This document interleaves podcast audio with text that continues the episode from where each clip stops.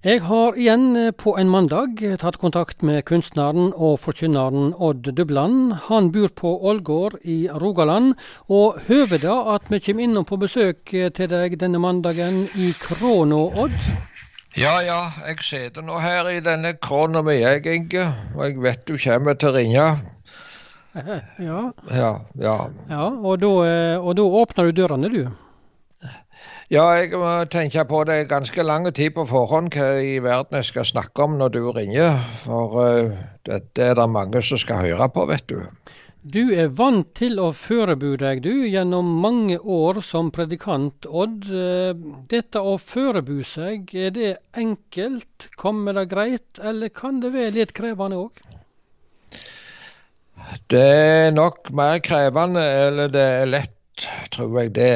Og det, det må ikke være noe billig stoff som en har, liksom. Det må være litt grann marg i det. Ja. Og det som jeg tenkte vi kunne snakke om litt i dag, du Inge, det var en eh, salmedikter som vi hadde i Norge, som heter Magnus Brostrup Landstad. Ja, og han levde på 1800-tallet, født i 1802, så vidt jeg vet. Ja, han var det.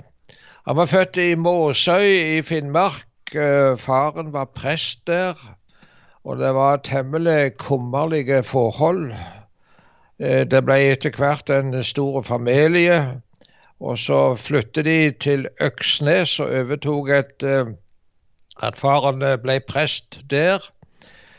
Men så var det det at han fikk et kall til å være prest i, i Vinje i Telemark. Dette var altså faren til Magnus. eh, Han heter Ja. Hans eh, Landstad. Ja, det stemmer det. Ja. Han heter Hans Landstad, og han var altså prest.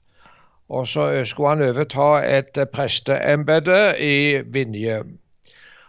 Og så hadde han sendt ei last med fisk til Bergen for å finansiere reisa som han skulle legge ut på. Og det som skjedde da, det var på heimveien da, så med den eh, båten så der så de kanskje hadde disse pengene, så ble de kapra av engelskmenn, eh, engelske krigsskip. Det var under denne blokaden, og da var de plutselig fattigere enn de noen gang hadde vært.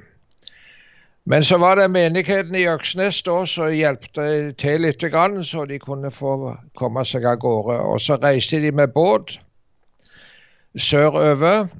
Eh, Men da de kom til Kristiansund, så vågte de ikke reise lenger på sjøen. Jaha, hvorfor det? Nei, for det første så hadde det vært ei forferdelig strabasiøs reis sørover, og så var de rett og slett redde for engelskmennene som drev og herja langs kysten På den tida der, altså. På den tida der. Det, det er en tid vi aldri har hørt om det der, Inge, noen gang. Vi som gikk på skolen, vi hørte bare om disse kongene med, vet du. Ja, ikke sant? ikke sant? Dette er altså rundt, dette rundt eh, starten på 1800-tallet. Ja. Og det var jo ei tid med mye nød i Norge òg pga. denne blokaden. Og, og så når de kom til Kristiansund, så ga de opp denne sjøreisa, og så ville de reise over land. Du, hva, hva blokade var dette her?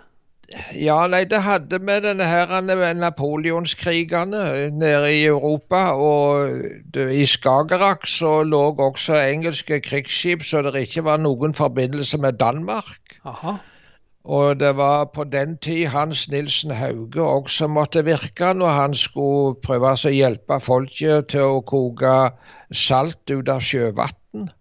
Det var mangel, og det var, det var svære nød i landet. På Østlandet f.eks. så var det folk som døde langs veiene, så lite mat var der. Så det var en forferdelig tid, det der. Men denne familien Landstad, altså, som nå er på vei til Telemark eh, og, Ja. og slutta båtreisa si i Kristiansund, hvordan Ja, går og- ferda ja, videre her? Ja, og så reiser de da opp mot, eh, eh, mot Åndalsnes og videre eh, opp gjennom mot Bjorli, en forferdelig stigning. Og så hadde de bagasjen sin i ei lita kjerre. Og det var ikke gummihjul på den, kan jeg tenke meg, og mest uframkommelige veier. Og så var det det slita dette her opp gjennom til de kom like opp til Dombås, og så var det ned over Gudbrandsdalen. Og da var det ikke hest her, det var til fots dette her? Det, det var til fots, ja. Og denne familien, de var, de var flere båten. Og så var det til å dra denne kjerra med seg med bagasjen. Og, de og denne reisa, den trong tre måneder. Du verden. Ja, da kom de fram eh, til Vinje. Men så hadde de vært inne på, eh, på i Heddal, der på, hos presten der. Og der var det ei prestedotter som hadde sett denne her familien som kom. Og det var, det var omtrent som et fantafylje. Og to av døtrene kunne knapt skjule kroppen sin, for klærne var bare fille. Var det en stor familie, denne familien Landstad ja, på reis? Ja, Hvor mange de var akkurat da, det, det, kan ikke jeg svare på. Men de hadde flere båten. Og de hadde altså gitt hele veien fra Kristiansund med bagasjen i ei vogn og trukket den av familien. Og reisa tok altså tre måneder. Da var Magnus Brostrup Landstad ca. 10-11 år gammel, og dette var han med på. De skulle altså flytte til Vinje i Telemark eh, med denne ja. lange, lange, turen her. Etter vår tids tenkning en uvanlig og svært krevende reise, kan vi vel si. Sånn som jeg tenker i dag, iallfall. Ja, ja, hjelpe meg, altså. Men så var det det at denne Magnus Brostrup han uh, fikk da utdanna seg til prest, og han var prest flere plasser. og i Kviteseid. Der står også en bauta av han, og likeens gjør det det borte i Sandefjord. Og han var også prest, lurer jeg på, i eh, Fredrikstad. Eller rundt der. Og så var det en veldig dyktig salmedikter. Ja, for det er salmedikter. Vi kjenner han som i dag.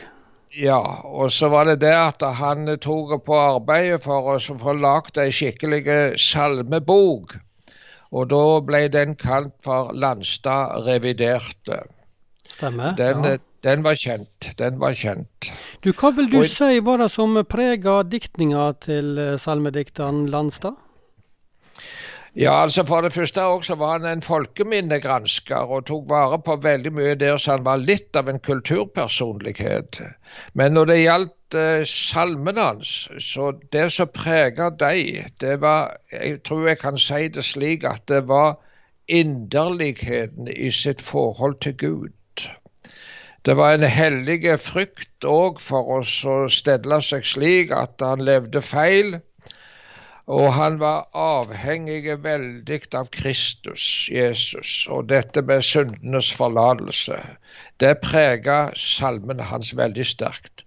Og faktisk talt, eh, hvis vi ser i den sangboka som vi pleier å bruke på bedehus og i foreningsliv, så er det vel over 30 salme ifra Magnus Brostrup Landstad si hånd.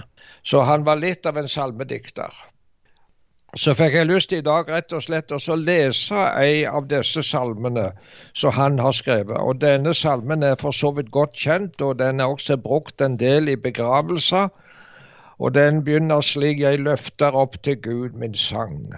Ja, og da vil du lese disse versene her. Den står på nummer 877 i det som er Bedehus-sangboken. Eh, ja. Denne skrev han altså i 1861. 1861, Da var han eh, nær 60 eh, år? Ja, han var rundt 60 år, ja. Men han har skrevet som sagt mange salmer og som også står i sangboken. Men jeg vil lese denne, for jeg syns den er så veldig fin. Jeg synger den en del sjøl òg på møtet. Og skal begynne å lese slik, da. Jeg løfter opp til Gud min sang, ennå en gang fra disse jordens daler. Vår Herre Krist, han henter meg snart hjem til seg, i himmelens høye saler. Som lynet far, han kommer snar, da skal hans pris på annet vis de Guds basuner tale. Når min forløsning stunder til, jeg gledes vil og løfter opp mitt hode. Da løses jeg, da går jeg inn til vennen min, Gud være evig lovet. Da reises av den mørke grav, det som var sådd med sukk og gråt, da er den søvn utsovet. Når fikentreet skyter blad, jeg er så glad, da vet jeg det blir sommer. Når himmelrikets blomster gror, for visst jeg tror Guds rike snarlig kommer. Hans brud jeg er, hans ring jeg bær, har lampen tent og hjertet vendt til ham all verdens dommer.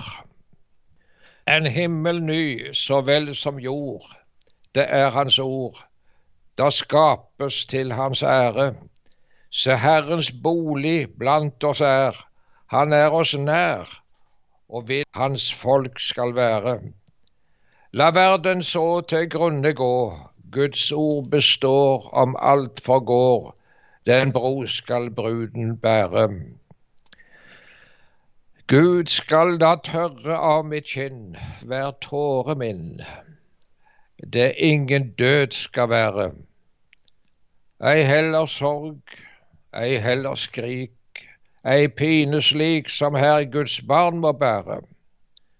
Det første fort er veket bort, og gleden ny i himmelens by, ei ja, hvor godt å være. Og så er det siste vers. Da synger jeg for tronen glad et bedre kvad, og løfter palmegrene. Med hvite kleder som er todd i lammets blod, for Herrens øyne rene.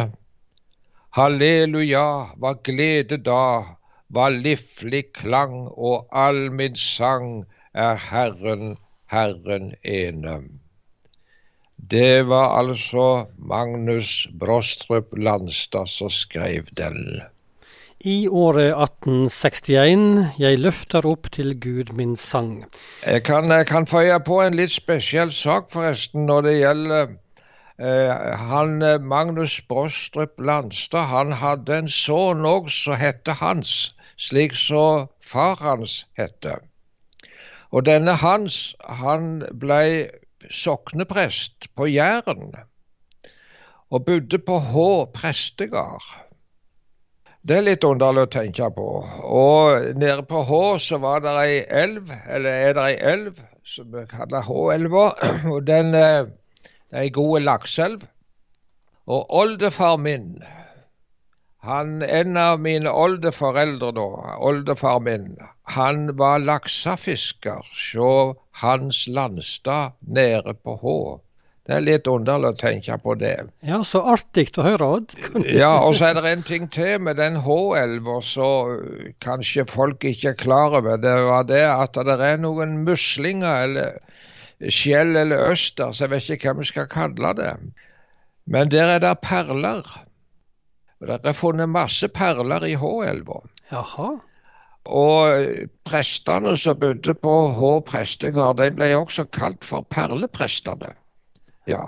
Og en av dem var altså Hans Landstad, som var sønnen til Magnus Brostrup Landstad. Det var bare litt ekstra, det. Artig historie, Odd. Mange takk skal du ha, Odd Dubland, for eh, drøsen denne mandagen. Og så snakkes vi på igjen eh, om ei tid. Vi er på lufta på mandagen med disse innslagene med han Odd i Kråna.